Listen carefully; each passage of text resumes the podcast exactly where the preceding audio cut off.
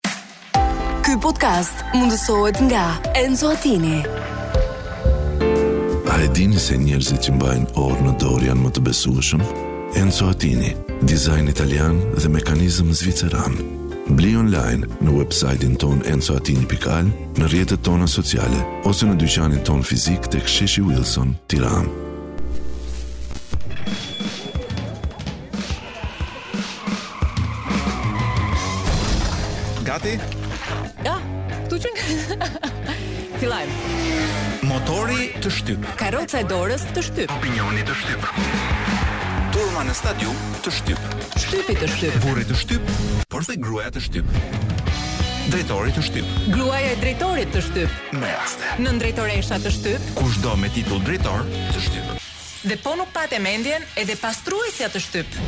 Tiktoku të shtyp. Safeti të shtyp. Shëndetësia falas të shtyp. Por sot nuk është e hënë. Sot nuk është dita për të shtypur. Domethënë sot nuk është e hënë.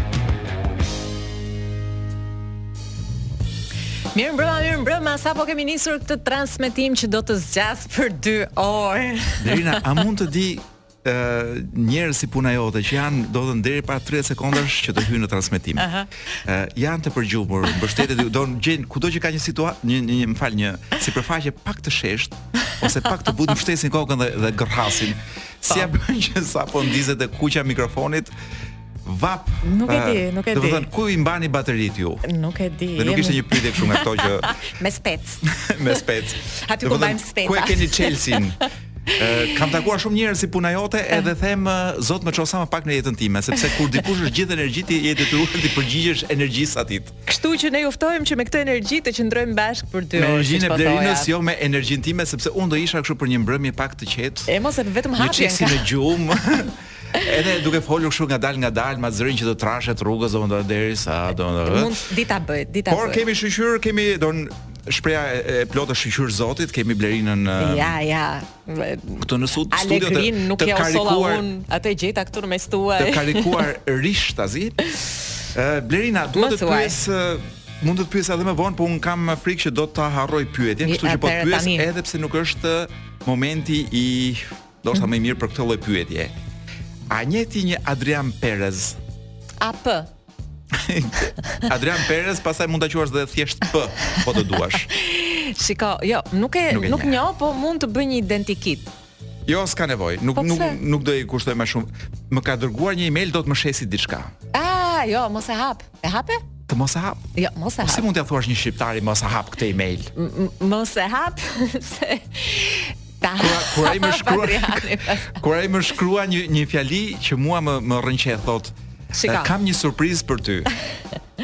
Pak, më ka vënë dhe linkun, edhe kjo thotë mos hap. Jo, s'do ta hap, por mund ta hap ndoshta në një nga kompjuterat e radios që çfarëdo dëmi t'i vijë radios, jo laptopit. Shiko, e ne dhamë që javën e kaluar lajmin që së shpejti ne do të kemi Shqipëria do të ketë atë skuadrën e posaçme të krimit kundër krimit kibernetik. Krimbit thuaj. Or, organizata e krimbit kibernetik. Besoj do shpëtojmë shumë shpejt nga këto sulmet që synojnë në fakt të vjedhin të dhënat tona dhe në thelb në thelb paratë. Unë mendoj që është vetëm një përpjekje për të shtuar artificialisht numrin e turistëve. në këtë vend Blerina. Si do na vijnë turistët kështu? Ja pra ky grupi është janë turistët e parë dhe pastaj ti thua si u bënë 1 milion e gjysmë. Ja pra si bëhen me njerëz që vijnë gjasme me me skuadra krimesh. Ë e dashur Blerina. E thua më. I dashur publik i Blerinës. Do ta hapim thjesht për tangërllëk dhe për inat të botës, do ta hapim me, me një grup që nuk e luan askush në radio shqiptare. Po pra, kolo po kam vështirë se na ikin dëgjuesit. Po pse Apo kush jo. ti mendon që un Apo ti do të jesh vetëm fare kur bën këtë emision. Un jam i lumtur kur ngelen vetëm tre dëgjues. Un ti dhe Kloi. dhe jemi. Ashtu de. Ke ndonjë sihariq? Kam kam një listë me ngjarje, uh -huh. e, ku ngjarja më e freskët e sapo ndodhur është një kërkesë e Amnesty International. Aha. Uh -huh. Për ata që nuk e njohin këtë personin, ky është Amnesty International është Një ojë. O jo, jo është një o jo jo jo jo jo f.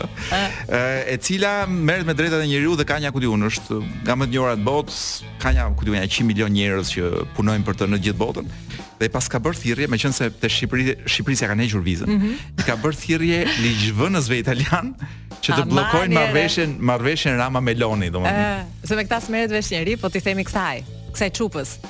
Po, këtu edhe po erdhën me kë me kë të me kë të flasin mendon ti. Është një. Është një. Po. Është përgjegjës. Është çik i zënë. Sepse ai ai përgjegjësi i këtij vendi është duke luajtur Counter Strike me ambasadën amerikane. Dëgjo, më qenë grup dhe, dhe janë grup me ambasadën dhe kujt do i biem tash. Ë kam edhe lajme të tjera nga vendi, po, po ky m'u duk si më si më i këndshëm. Kam unë një shumë Fantastik. Mirë. Po un kam që të flas pak për emigrantët çik okay, më vonë. Okej, mirë, jepi. Jo, edhe më vonë. Jo, jo, vazhdo tani. U pret puna atyre, nuk kanë ndonjë ngut të shkretët. Un jam tek të huajt. Un kam një shqetësim shumë të madh për këtë punën e emigrantëve mm, të huaj që mendohet që mund të vijnë në Shqipëri. Po. Që shumica njerëzve që kundërshtojnë ngritjen e këtyre kampeve janë racistë. e kanë thjesht për arsye të pastra racizmi. Pa. Që është një gjë, që është një gjë shumë, është një gjë shumë absurde do thoja unë për të mos thënë e ndyrë, për njerëz të cilët janë, domethënë kur shkojnë jashtë i kanë parë si majmun gjithmonë. Po ka paktën 30 vjet që janë po shkuar si majmun. Njeriu në bazë të informacionit që ka vepron. Dhe në bazë duhet të japim pak më shumë informacion. Dhe befas neve na duket vetja çik më të mirë se se ata jo. emigrantët nga Bangladeshi. Mbase pak më të bardhë. se gjithë gjëja. Tash pa dashur të jem racist, po dil çik nga. Dil çik nga zona e bllokut, dil, dil jashtë bllokut për të parë ngjyrën e vërtetë që kemi. Dëgjo Kolo, meqenëse jemi në këtë në këto ujëra, un jam shumë e lumtur që më në fund në Shqipëri janë kapur tre hajdutë të huaj. Jo, më fal. Të po. huaj nga. Tre hajdut rumun, do me thënë. Quhen të huaj. Se po të ishin italian mund të jenë dhe tanët dhe zimë që kanë kan shkuar dhe janë rikthyer. Hajdutëve shqiptarë që po na vjedhin me dur për pjetë, do me thënë, po ndërkohë që ne i mbajnë në ajër. Mirë që një, ja. Ne pse kemi hajdut të huaj, ore. Ti nuk ti nuk e mendon. Edhe këta do shtohen tek tek numri i përgjithshëm i turistëve që kanë ardhur këtë vit në Shqipëri. E di për çfarë më erdhi keq? Më erdhi keq e para që i kanë kapur një. dhe e dyta që nuk kanë pas mundësinë as të ndajnë kështu në në mënyrë në shifër të plot para, se kanë pas kanë vjedh 5 milion lek, as 6 jo që të ndanin dy herë dy herë po, po, dy. Po 5 milion nuk i bën as për të paguar gomonen deri në Itali. E imagjino, më erdhi shumë keq. Të shkretët. Unë eh, mos vallë janë nisur për diku tjetër dhe kanë përfunduar gabimisht këtu dhe kërkonin vetëm lekët e biletës. Dimë gjë? Nuk e di, po unë do t'u thoja merrni shembull nga hajdutët shqiptarë që ça s'bëjnë dhe s'i kap njeri mo vlla. Ore vite të tëra hajdutërie dhe vjedhjeje dhe vazhdojnë dhe vazhdojnë dhe bëhen dhe të famshëm ndonjëherë. Më dëgjove çfarë thashë apo ta them edhe një herë? Jo, jo, e dëgjova çfarë the, po unë ndërkohë po mendoja si mund t'i ndihmojmë ata njerëz. Pra çfarë mund të bëjë Shqipëria dhe a e di kryeministri që Rumania është në hall kaq të madh dhe ka nevojë për ndihmën tonë, ndihmën e tij. Për ndihmën e tij. Ka takuar kush? Ai. Ka takuar përfaqësuesit e biznesit fason dhe gjeje, ti ndoshta nuk e gjen, por kjo mund të ishte edhe thënia e ditës. Mm -hmm. Perlën që ka nxjerr nga goja. Këta këta fasonët sikur do të rriteshin nga Shqipëria xha vonë. Apo jo? Si, për cilët fasonë e ke ti fjalën? Se ka dy lloje fason, fasonësh. Fasonët që i shkojnë atij në takim dhe fasonët. Uh, mbas Akademisë së Barinjve, pa. Po. për të cilën nuk dimë ç'u bë mbasi u hodh, u bë, u hodhën fishekzjarre, domethënë filloi epoka e re e bari, e barillëkut në Shqipëri. Bariu teknologji, i, mm. si thonë, digital, bariu digital. Inteligjenca baritore quhet. Ë pra mbasi e patëm atë idenë brilante e, Bagëti e gjeniale të, të, teknologji. të, të Akademisë Barinjve, kemi dalë me një, ai. Ka menduar për një aka- se kështu mendon ai që akademitë tashmë do zgjidhin hallet e Shqipërisë. Dhe akademia tjetër do Ça t' jetë bëjë, ça t' bëjë. akademi për fasoneri. Po ça, sa vetë aty? Do, do sjellin besoj lektore Donatella Versace. T'u mësojë atyre grave të, të Lezhës e të ku di unë të Shkodrës e të, të Prrenjasit e ku di unë kush janë këto të shkreta që qepin për 200.000 lek në muaj, 300.000 lek në muaj. Unë mendoj që... T'u mësojë se ç'është moda e vërtetë. A do të të flas për një gjë tjetër që mund të të interesojë vërtet? Po. Pallatet e vjetra do të bëhen me ashensor. Mhm. Mm Pallatet ku mamaja jote, mamaja ime, domethënë, kanë marrë gjithë smundjet e mundshme. për shkak të lagështirës të të mungesës së ashensorit e tjera, tjera do të bëhen me ashensor, që më duket një hap tmerrësisht i guximshëm teknologjik Ë, duke pas parasysh që pallatet tona të vjetra në përgjithësi kanë probleme akoma me me pompën e përbashkët të ujit. Pra nuk kanë ujë dhe zihen për pompën, kur prishet pompa dhe pastaj bëhet një kështu një llogari mblidhen gjithë qindarkat nga pallati, kush paguan, kush s'paguan. Kati i fundit do paguajë çik më shumë se kati i parë etj etj. Po. Por ama do ke një ashensor. E problemi është që ky do të jetë edhe fundi i aktivitetit fizik të brezit të tretë në Shqipëri. Kjo puna e pompës së ujit apo? jo puna e ashensorit. pra e vetmja gjë që i mban dhe çik në formë. Vendosur ashensorin do t'i vendoset fund edhe një historie të gjatë le të themi hipje-zbritje shkallësh që ndihmonin deri diku në qarkullimin e gjakut. Nën formulën që t'u ngjitemi kodrave dhe t'i bëjmë pjellore si fushat, t'i ngjitemi pallateve të vjetra dhe t'i bëjmë pjellore si pallatet e reja. Ke për të thënë më? O po, kam edhe dy tre gjëra të vogla. Po, me gjë mund të vazhdosh ti se unë problem çështje hajdutësh kam në dorë. Ja, unë po merrem me një çështje hajdutësh. Unë uh, desha të sillja në vëmendje uh, lajmin e një gruaje që ka rrahur bashkëshortin duke e bërë për spital. Në Kosovë ka ndodhur kjo dhe nuk e kam sjellë këtë lajm si baraspeshë të gjithë atyre lajmeve ë uh, ku burrat të përmbysura, pra ku burrat rrahin gratë, por sepse m'u duk shumë kurioz lajmërimi ose le të themi përpilimi i lajmërimit, njoftimit të policisë. Ah, po, e cila shkruan. Është arrestuar e dyshuara femër kosovare pasi që ka sulmuar fizikisht bashkës, bashkëshortin e saj viktimë mashkull kosovar. Domethënë, jemi kështu si në nivelin e gjitarëve Më duket, më duket gjithsesi një informacion që unë do e lexoja me shumë ëndje. Femër, po femër dhe mashkull po kosovar. Kloi na ka lëshuar një këngë duke më hequr nga dora, nga dora uh, 15 vjeçarin nga Peqini që vodhi televizor. Ku e futi? Vodhi, si unë mendoj që donte të ndiqte leksionet e kimisë në RTSH Shkolla, po din ata e futën brenda të shkretin. Peqini ke vënë re që po bëhet protagonist i madh kohët e fundit. E, nuk është fare. Ke një libër në dorë, është ai i javës së kaluar, është me titullin Porta e ngushtë. Ah, po. Më vjen mirë që e shkur sepse e pata frikë se mos e zgjat shumë me këto hapjet. Mos e zgjat. Porta e ngushtë, do kujdesemi edhe për minorenët e dashur Kloi. kur të lexojmë librin, sepse libri në fakt flet për për Minoren, për, për historia e librit është është një histori shumë shqiptare Blerina. Ë ne kemi histori të pathëna dashurish mes kushërinjve etj etj ah, domethënë. Të cilat kanë qenë ngelen tabu, po siç siç më thoshte një xhaxha i vjetër tha, e tha sa çuna goca tezesh. Ah, pika pika pika pika në këtë vend. Dhe është çfarë të them, është një eksplorim i një bote Do thoja unë të ndaluar. Autori? Autori është Andre Gid, pra, uh, botimi 10000 lekë të vjetra bën, botimi nga Pika pa sipërfaqe përkthyer sipas meje mjeshtërisht nga Feride Papleka. Po hap kështu kot më zuri dhe më zuri tek kapitulli 3. Atë vit nuk kisha mundur ta shihja fare thua ta shihja thuajse fare Abel Votien. Ai kishte bërë ushtrinë, ndërkohë që unë përgatisja diplomën duke shtuar edhe retorikën. Isha dy vjet më i vogël se Abeli, por do ta kryeja shërbimin ushtarak pra pas shkollës normale në të cilën do të hynim të dy atë vit. U takuam me kënaqësi, ai ishte liruar nga ushtria dhe kishte udhëtuar një muaj e ca. Kujtoja se do të kishte ndryshuar, por thjesht kishte fituar më tepër siguri, pa humbur gjë nga natyra e tij tërheqëse. Pasditen para se të hapej shkolla, që ne e kaluam në Luksemburg, unë nuk munda ta ruaja më të, më të fshehtën dhe i fola gjatë për dashurinë time, që veç kësaj ai tashmë e njihte. Atë vit kishte mësuar diçka rreth grave e që i lejonte të shprehte një lloj epërsie, disi të rreme mbi mua, por kjo nuk më fyente aspak. Ai bëri shaka që s'kisha ditur ta shqiptoja fjalën time të fundit, siç thoshte, duke u nisur nga një aksion se nuk duhet ta lësh kurrë një grua ta zotërojë veten. Pra që s'e kishte thënë fjallën e fundit dot në lidhje me dashurinë e vet. Unë e dëgjoja kur fliste, por mendova se argumentet e tij të shkëlqyra nuk ishin të mira as për mua, as për Alisën, ku Alisa është kushërira me të cilën është dashuruar, dhe se me këtë ai e dëshmonte fare qartë se nuk na njihte mirë. Të nesërmen e mbërritjes sonë, mora një letër. Letra sigurisht vjen nga Alisa. Zheromi im i shtrenjtë. Nuk dua ta lexosh. Më fal, se nuk jemi në Big, në, në Big Brother dhe ndoshta dhe mund t'i lexojmë.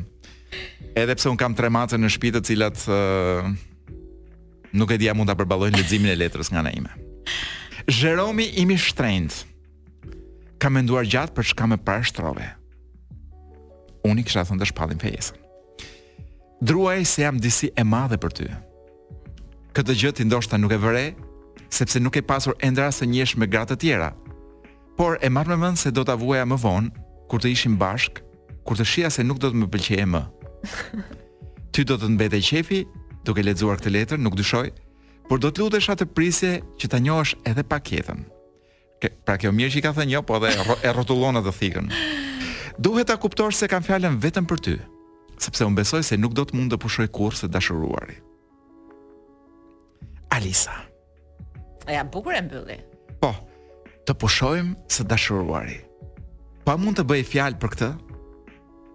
Më tepër isha i habitur se sa i trishtuar, por edhe aq i tronditur sa vrapova menjëherë t'ia tregoja letrën tim Abelit. Mirë pra, çfarë mendon të bësh? tha ai, pasi e lexoi duke tundur kokën e duke shtrënguar buzët. Unë ngrita krahët tërë pasiguri dhe dëshpërim. Shpresoj se nuk do t'i përgjigjesh. Kur zëmë e fjalosemi me një grua, jemi të humbur. Dëgjo. Po të flemë në Havër të shtunën, jemi në Fongesmar të dielën në mëngjes dhe kthehemi këtu për kursin e parë të së hënës. Unë s'i kam parë kushërinjtë e tu që kur ika ushtar, është një arsye e mjaftueshme dhe që më nderon. Po që se Alisa nuhat se është thjesht një shkak, aq më mirë. Unë do të merrem me Zhulietën gjatë kohës që ti do të bisedosh me të motrën. Përpiqu të tregosh i pjekur. Të them të vërtetën në historinë tënde ka diçka të paqartë. Ti nuk më ke treguar gjithçka. S'ka rëndësi, do ta mësoj këtë. Sidoqoftë, mos lajmëro për vajtjen tonë. Duhet ta befasojmë kushërinën tënde e të mos i lëmë kohë të përgatitet. Duke shtyrë trinën e kopshtit, zemra po më shkulej nga vendi. Zhulieta, pra u nisën këta, ikën atje, ëh. Mm -hmm. Zhulieta na doli përpara me vrap. Alisa e zënë me qepje, nuk nxitoi të zbriste.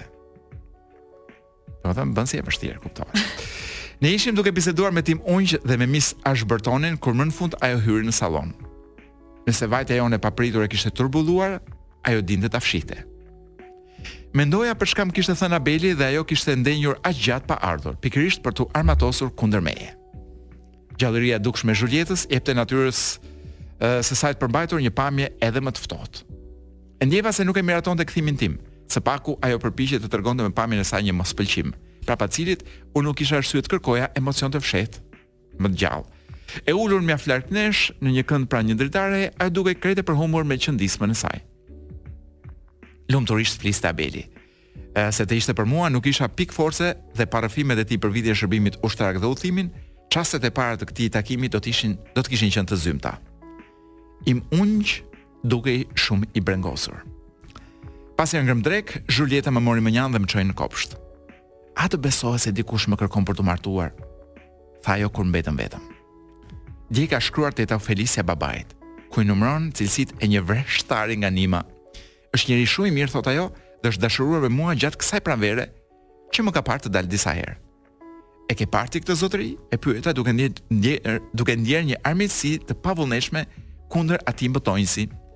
Ky ndërmjetësi. Ë, më fal, mëtonjësi është ky që që sulmon këtë për ta kapur. Po e di cili është, një lloj Don Kishoti bablok pa kulturë, tepër i shëmtuar, vulgar sa s'bëhet, tejet qesharak përpara të cilit edhe teza ime nuk mundej nuk mundej ta ruante seriozitetin e vet. A ka pasuri? Thashë me një ton ironik. Shiko Zherom. Ti tallesh, një tregtar shiko Zherom, ti tallesh. Një tregtar, po ta kishe parë nuk do të ma kishe bërë këtë pyetje. Dhe si është përgjigjur im ungj, ashtu si jam përgjigjur unë, se isha shumë e re për t'u martuar. Fatkeqësisht, shtoi ajo duke qeshur, tetoja e kishte parashikuar kundërshtimin në një poshtëshënim, ajo thoshte që zoti Eduard Tesier, kështu e quajnë atë, është dakord të presë, pra thjesht do të zërë radhën. Është fare absurde. Po çfarë do do ti që të bëj? Unë sidoqoftë nuk mund t'i them se është tepër i shëmtuar. Jo, por që ti nuk ke dëshirë të martohesh me një vreshtar. Ajo ngriti supet. Janë disa arsye që nuk i njeh mendja e tetos time. Ta lëmë këtë. Të ka shkruar Alisa? Ajo fliste shumë shpejt dhe ngjante se përjetonte një siklet të madh. Unë i zgjata letrën e Alisës, të cilën ajo e lexoi duke u skuqur në fytyrë. M'u duk se dallova një thek zemërimi në zërin e saj kur më pyeti. Pra çfarë do të bësh? E çfarë do të bëjë ky? Pasi Alisa që ndalove se ishte duke ia arritur qëllimit për të më vënë në gjumë. Po e ndiqja me ëndje sa desh u braktisa Lerina gjumi në përgjithësi në përgjithësi zë vetëm popullatën e Instagramit. Domethënë, libri të vë në gjumë vetëm nëse je njeri Instagrami që do një shpullë çdo 7 sekonda. Kështu që pa si një libër që ta jep shpullën në fund pasi ke lexuar gjysmë ore, nuk nuk mund ta bëjë dot efektin e zgjimit siç e bën Instagrami. Do ta rikthejmë sidoqoftë javën që vjen. ca copëza të tjera të të njëjtit libër. Dhe siç po thoja pak më përpara, alegrinë dhe energjinë nuk e gjet, nuk ua solla unë, atë e gjeta këtu në mes tuaj. E ka thënë kush e ka thënë? Ai i i 10000 lekshit. jo, më duket tash është ai i 1000 lekshit. Ë, sepse po bëhet një fushatë ka vite që bëhet.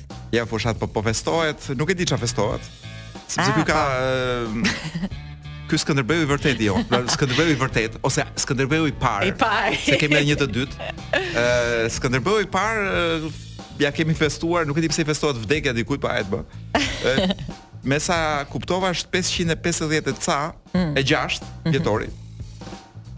Dhe shumë mirë. Por me këtë rast me sa kuptoj unë, edhe Banka e Shqipërisë paska vendosur ta teprojë një çik. Ça ka bërë?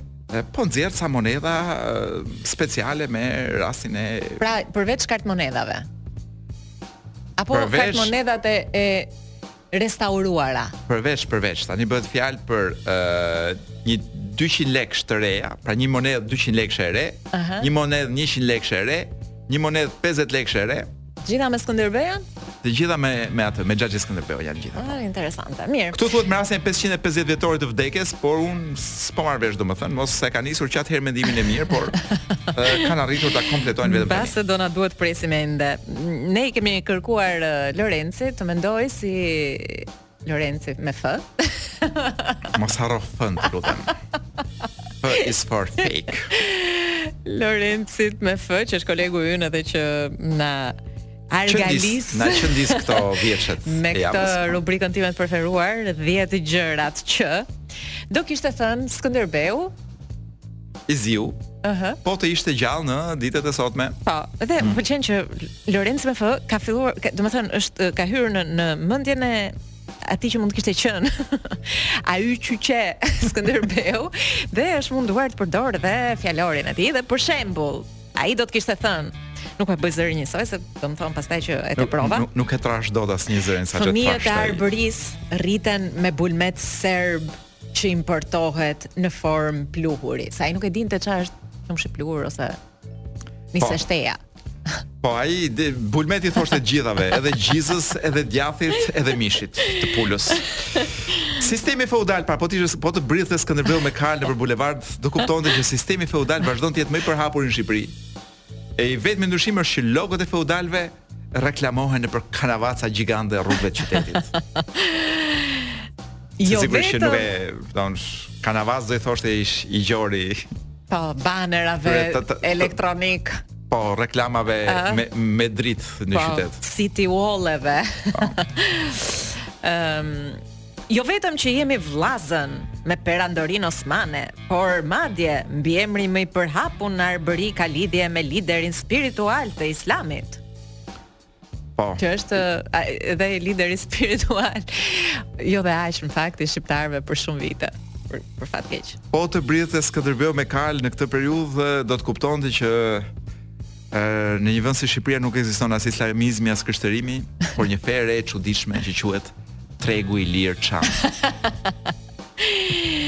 Gjithashtu do të kishte thënë, shumica e arbërve duhet të punojë dy ditë për të fituar kartëmonedhën me figurën time, me të cilën nuk ble dot as potkonjtë e kalit e jo më kalë. Përdorimi më i gjerë i saj është për prostitucion dhe për të thithur opium. Blerina po tentove realisht ta imitosh Skënderbeun kur flet, domethënë. Jo, por nuk të kuptohet fjalia fillim fund. Si s'e kuptove? Duhet ta nisësh nga fillimi ti. Kush mendon që kupton do kuptonte Skënderbeun po të fliste. Në gjuhën e vet sot. Nordikët, pra po të vinte Skënderbeu sot do kuptonte që nordikët dhe aziatikët kanë pushtuar kryeqendrat e Arbërisë, Krujën, Beratin, Gjirokastrën, Butrintin. ë dhe nuk rrinë në fron më shumë se një javë se ua lënë vendin nordikëve dhe aziatikëve të tjerë. Do t'i kishte bërë shumë përshtypje një fenomen që ë sidomos nëpër stadiume mund të haset gjerësisht dhe do kishte thënë, mund të jesh horri dhe tradhtari më i madh i vendit, por nëse bën me duar formën groteske të dykrenores, shpallesh menjëherë patriot. Skënderbeu do kish kuptuar që ajri nëpër principatat kryesore mban erë kufome të djegur dhe uji të shkakton heqje barku njëlloj si në kohën e tij.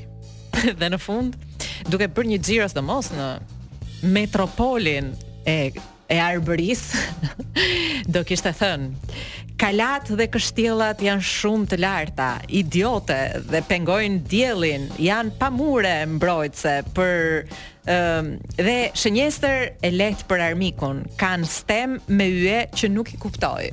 Janë ato 4, 5, 6 yje që këtu ia vënë sipas qejfit. Gjysmat e femrave do kish kuptuar e i mbajnë përkrenare plastike për t'i treguar më të reja, Dhe sigurisht që Skënderbeu do ish habitur që në Shqipëri festojnë vdekjen e tij më shumë se ç'festojnë ku di un festën e pavarësisë apo ku di un diçka tjetër. Apo dhe lindjen e tij. E falenderojmë Lorencin më fë, kolegun tonë.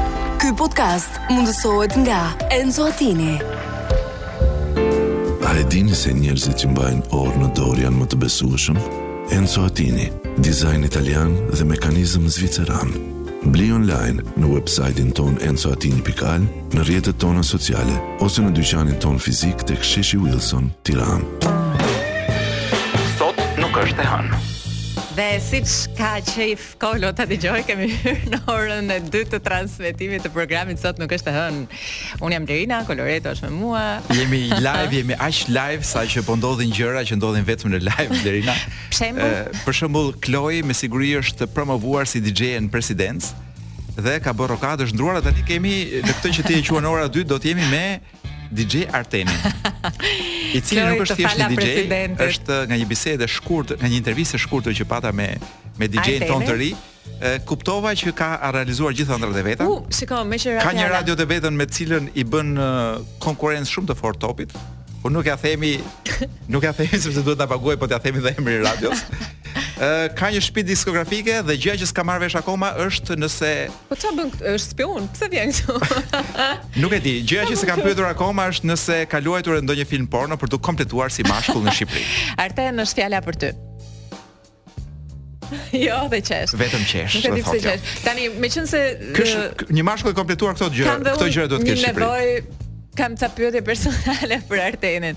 O Arten, nga e ke rrugën pastaj?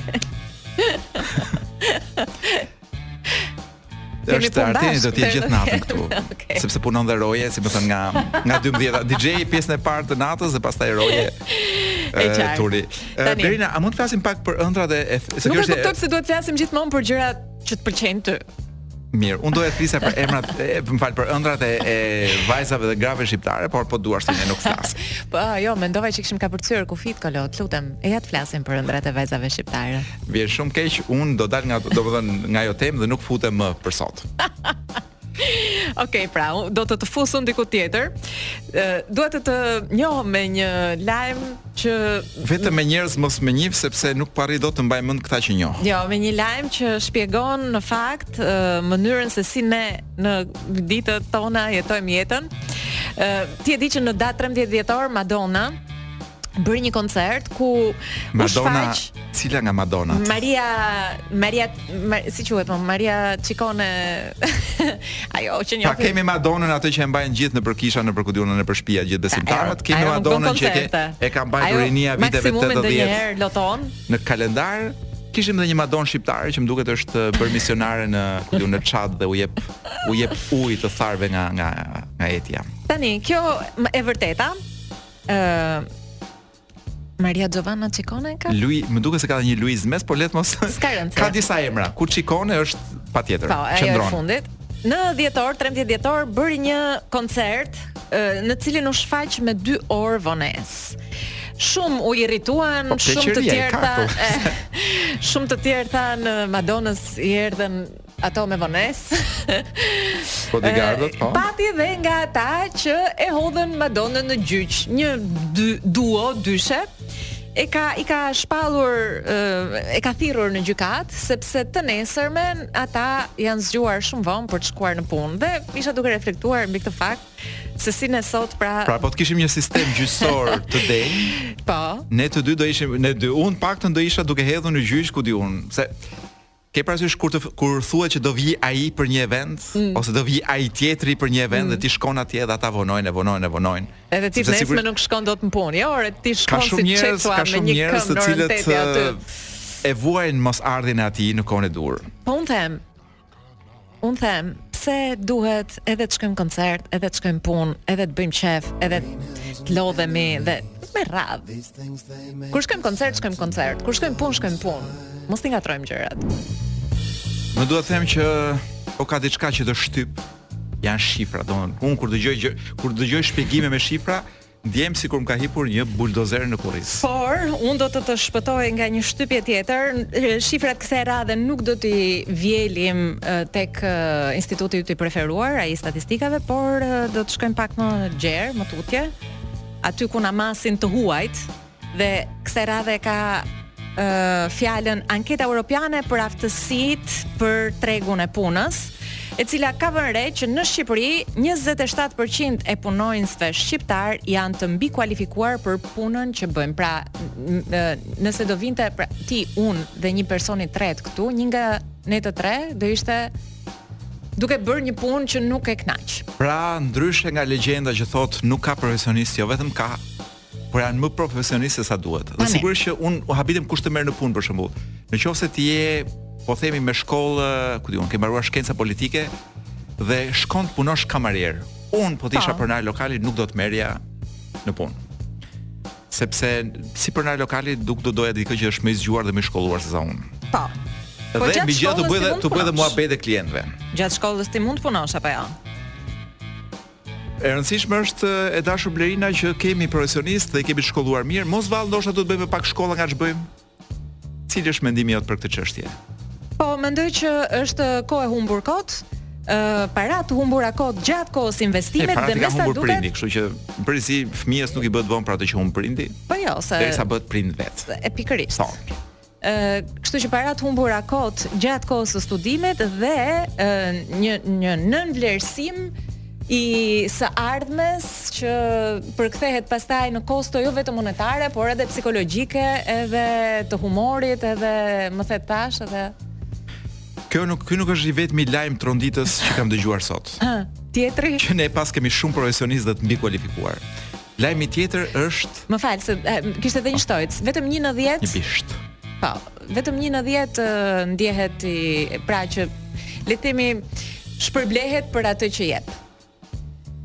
Ë Që është në vendin e vet. E kuptoj. Në 10. Pra ka 10% e shqiptarëve janë të lumtur me atë që marrin, mbrapsht në vendin e punës. Po.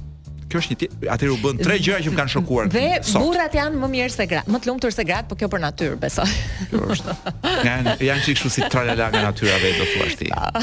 Janë si, jo, e vërteta është që burrat, gratë diskriminohen më shumë. Pra një grua merr më pak se sa një burrë në vendin e punës. Dhe ndoshta një grua në vendin e punës ka ca kërkesa më shumë se një burrë. Por një burrë nuk do t'ia dijë që s'ka banjë në vendin e punës dhe duhet dalë ta po, bëjë çiçin pra. poshtë ke muri i ndërtesës. Kurse gratë kanë shqetësime edhe kur banjot nuk janë në nivelin e duhur të higjienës etj etj. Do të them lajmin që më ka shqetësuar shumë është dalja nga ana e një institucioni që ne duam shumë në këtë program, që është Instati. E, dalja e të dhënave për shkëmbimet tregtare të 2023-shit. Dhe ka ndodhur thagma. Pra në qofë se ne në 2022-shin kishim Italinë, Turqinë, Greqinë dhe Gjermaninë, pa? Po. gjeje kë kanë hequr nga lista. Gjeje kush është nominuar dhe, dhe ka dalë nga shtëpia e Shqipërisë nga kjo listë. Ka dalë Gjermania. Çe? Dhe ka hyrë Kina. Pra partneri kryesor për vitin 2023 është Italia e para dhe pastaj Kina, pastaj Turqia dhe Greqia. Kështu që ti do thua ç'ka bërë Kina për ne që të ketë merituar këtë vend kaq të lartë. Kina për ne ka bërë fishekzjarre. Ku di unë? Ka bërë flamurin motonin. Po na mbush me flamuj, po na mbush me tipsa thonjsh për. Po. Kështu që Gjermania po të dojë të rifutet edhe një herë në kaçe, Kalojë nga Kina. Ose duhet na i bëjë vetë fishekzjarre. Ne okay. pranojmë dhe fishekzjarre jo cilësore, ne thjesht duam të bëjmë zhurmë. Nuk e kemi qëllimin shumë tek bukuria e, e fishekzjarrit. Ti kishe ndonjë lajm tjetër nga bota apo do të sjellni jo, që të të shkon? Jo, mund të fillojmë te ky lajm këtu nëse i intereson njeriu që eksportet kanë rënë. Ëh. Që besoj Nuk e di ç'mendon kryeministri për këtë, unë po unë besoj që është një sukses i madh për Shqipërinë. Unë nuk pra e di. Ne nuk eksportojmë dot më. Ç'mendon kryeministri, po mund të të them që Julio Iglesias është është, unë mendoj që është këngëtari i preferuar i kryeministrit. Është uh, kam edhe një lajm tjetër. E më ta them. Po mbas Julios. Po. Është ndalur, është ndaluar me 42 kg ushqim në valixhe. Pra duke kryer kontrabandë pra ushqimi pak pra a shumë, jo, jo eksport. Jo, më ja, po ky i bën sanduiçet vetë. Tash ti do ta ndalosh atë të hajë sanduiç, ha sa ç'do, sa ç'do zemra. Dhe nuk qenka hera e parë. A mund të dim, a mund të dim listën e ushqimeve? E po nuk e thotë. A, shumë gabim. Por sa herë thotë që spostohet nga Madridi, ë merr me vete proshutat kombëtare e më the të thash. Është më mirë se sa të bredh me dy tre viça të cilët i ther vetë po. në vendet ku shkon. për të ushqyer shëndetshëm. Bukur. Ngase me Julio Iglesias më ngacmove, kthehem te lajmi i mëparshëm. Ti di që na janë rritur edhe shkëmbimet eksportet me Spanjën? Se çfarë mund të çojmë në Spanjë që Spanja nuk e ka? Ke, kemi diçka që eksportojmë pra, në Spanjë. Pra Spanja edhe e kanë vënë me ngjyrë portokalli që ta zërë syri mirë, domethënë, mm. na janë rritur shumë eksportet me Spanjën këtë vit. Ndërkohë që nuk duken gjëkundi fare eksportet me Britaninë, unë unë mendoj që ne boll çuna goca po i japim Britanisë, nuk e di pse nuk i llogarisim. E, e kemi diversifikuar tregun, ato që çojmë në Britani i çojmë vetëm në Britani, ato që çojmë në Spanjë, i çojmë vetëm në Spanjë, nuk është që i bëjmë, nuk i ngatërrojmë shumë gjërat. Kam nja dy tre ide se çfarë mund t'i japim po Spanjës. Po Brazil. Po dyshoj që janë uh, ide që nuk mund t'i thuash publikisht në studio, po, sepse të Amerikës së Jugut ç, nuk i ç'gjeva hir. Të vjen SPAK-u thotë, pra, të vjen SPAK-u thotë prapa kapelet tim. Jo thotë më jep pak atë telefonin celular se dua të zbuloj kush ta ka dhënë këtë informacionin. Blerina. Po. Ë, uh, mund ta diskutoj edhe pak më vonë, por nuk më rrihet pa, do të se tani Po, të ngacmova. Aty ku s'mban. A ke frikë ti? Kam. Nga SPAK-u? Kam. sepse kam kuptuar e, e, po qarkullon vazhdimisht e, këto ditët e fundit në nëpër media një term që qarkullon edhe kështu nëpër tavolina pa? Po. që po kthehemi në një e, në një republikë prokurorësh. Hmm. Pra ti mund mos bësh asgjë, po po tha SPAK-u që ke bërë. Ke bërë. Ku do ankohesh, më thuaj çik. Kur e thotë partia do do ankohesh ku te ambasada amerikane.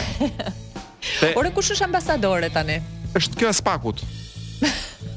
është duket se është burrë, por është ai i SPAK-ut. E qartë. Edhe kryeministri është ai i SPAK-ut. Ë dhe nuk është çudi që edhe roja poshtë të jetë i SPAK. Pra është gjëra dhe njerëzit që që na kanë në dorë quhen SPAK. Unë jam shumë e lumtur me për realitetin në të cilin jetoj dhe Shqipërinë tonë sot.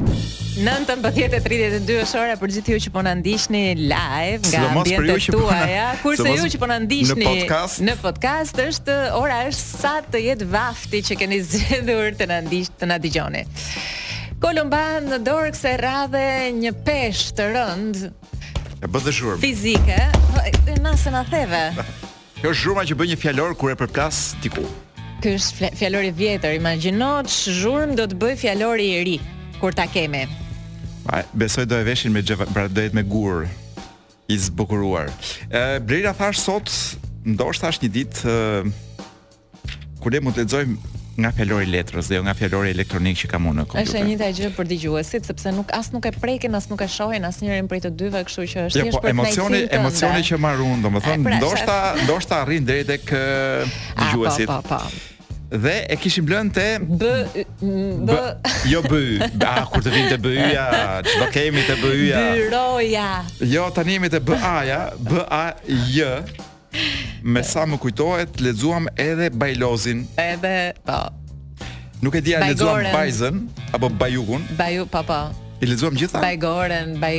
Ah, po, Bajgoren, po, po, po. Që ishte një fjalë, unë do thosha më kumbuese po. e gjuhës shqipe. Ë, Baj, Baj, mirë. Atëherë fillojmë te Baku, E fillojmë me bak. Ë, uh, kemi një bakalaro, ba, jo fal, bakalaro. Bakalaro është, është po. I deteve të veriut që hahet zakonisht i tharë dhe i kripur. E di sa vështirë ka qenë kohës komunizmit kur njeriu nuk e dinte ç'ish, s'kish parë peshk me sy, jo më jo më të shihte në në çdo rast peshkun e veriut. Po pra, po ky akoma është i vështirë për t'u gjetur në treg. Bakalaro apo bakalaro. Është Bakalaro. Bakalaro. Bakalaro, okay. por mund të thuhet Bakalaroja. Okej. Okay. Kur do ta kur do t'i japësh çik konfidencë këtij Bakalaros. Oh. Kemi Bakallin. Ë uh, Ai i letrës. Janë shitës shitës ushqimesh pra bakallët. Janë shitës ushqimesh e sendesh të vogla shtëpiake. Por Që kanë një jetë epistolare shumë të pasur. Sigurisht. Ti ke dëgjuar për defterin e Bakallit. Bakallit, po. pikërisht. Defteri i Bakallit është një regjistër i shkarravitur, i vjetër, ë e i fëlliqur.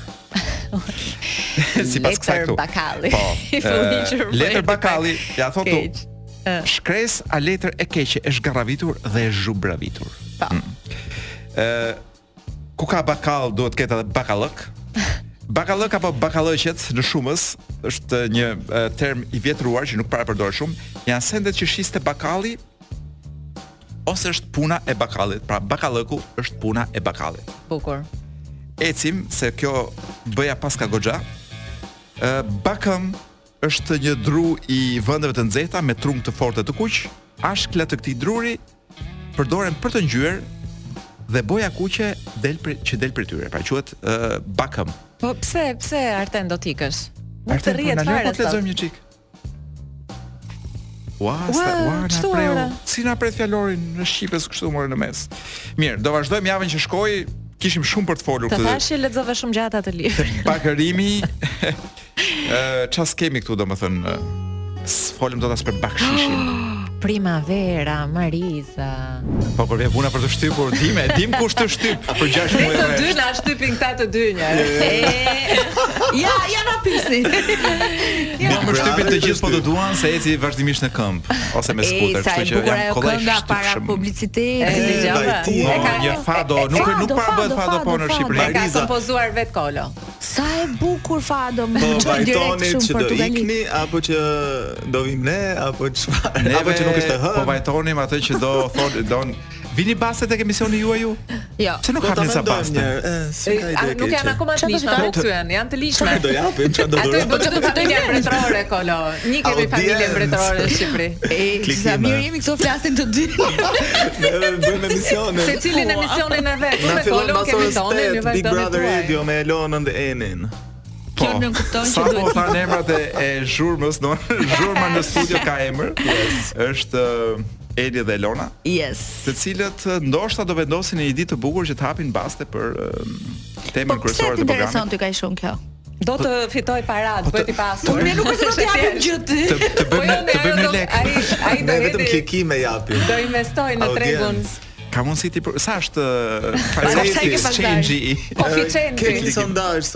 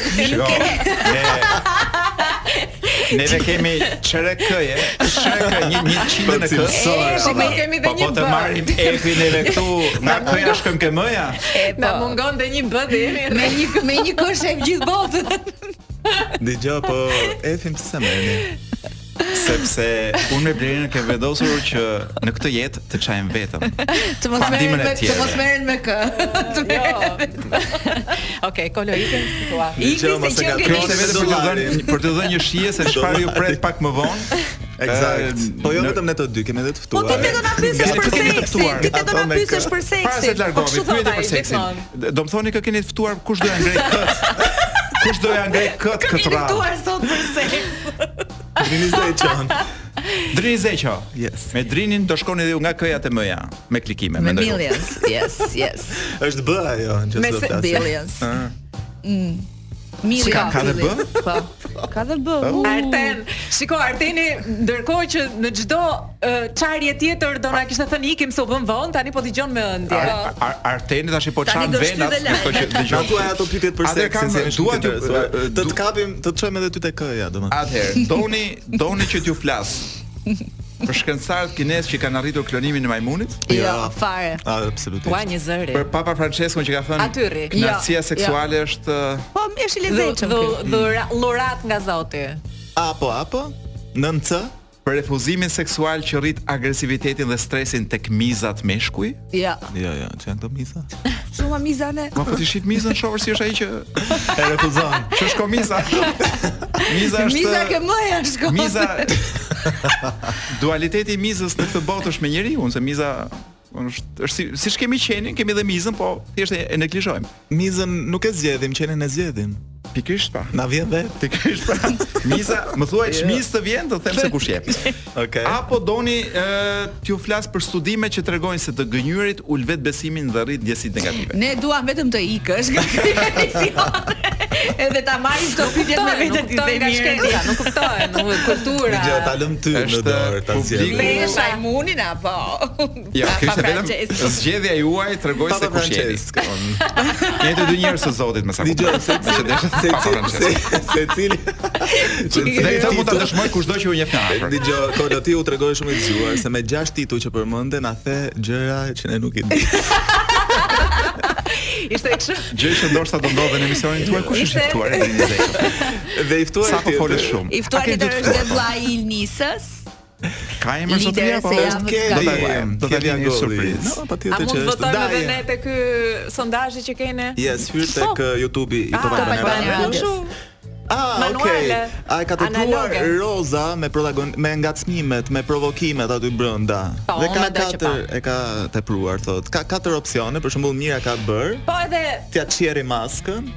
Ah, u prish.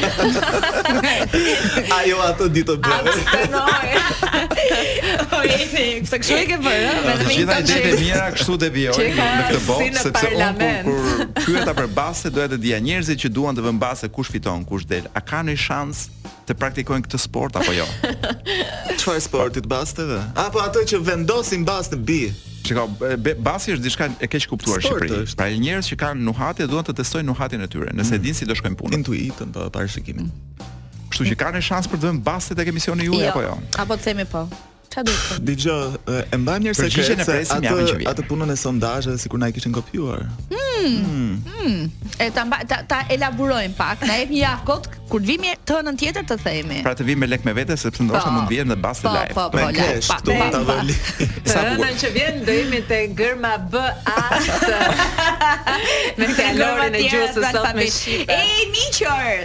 Qëndroni me ne se pas pak nis Big Brother Radio një orë shplodhje veshësh, jo si ky emisioni që sapo bëmë. Ne po ikim mbylle vetë emisionin tonë, të lutem shumë. Na ndihmo të marr music në digital. Eh, atëherë ne do të ikim me një Vasco Rossi. Po, e kemi Do të rikthehemi në këtë në këtë studio mbas një jave, ndërkohë që ju e morët vesh me këdorin, e morët vesh kush do vi, mm. jeni të lirë të fikni radion dhe të shkoni në shtëpi. Hapeni televizorin, na shihni edhe me figurë. Ciao.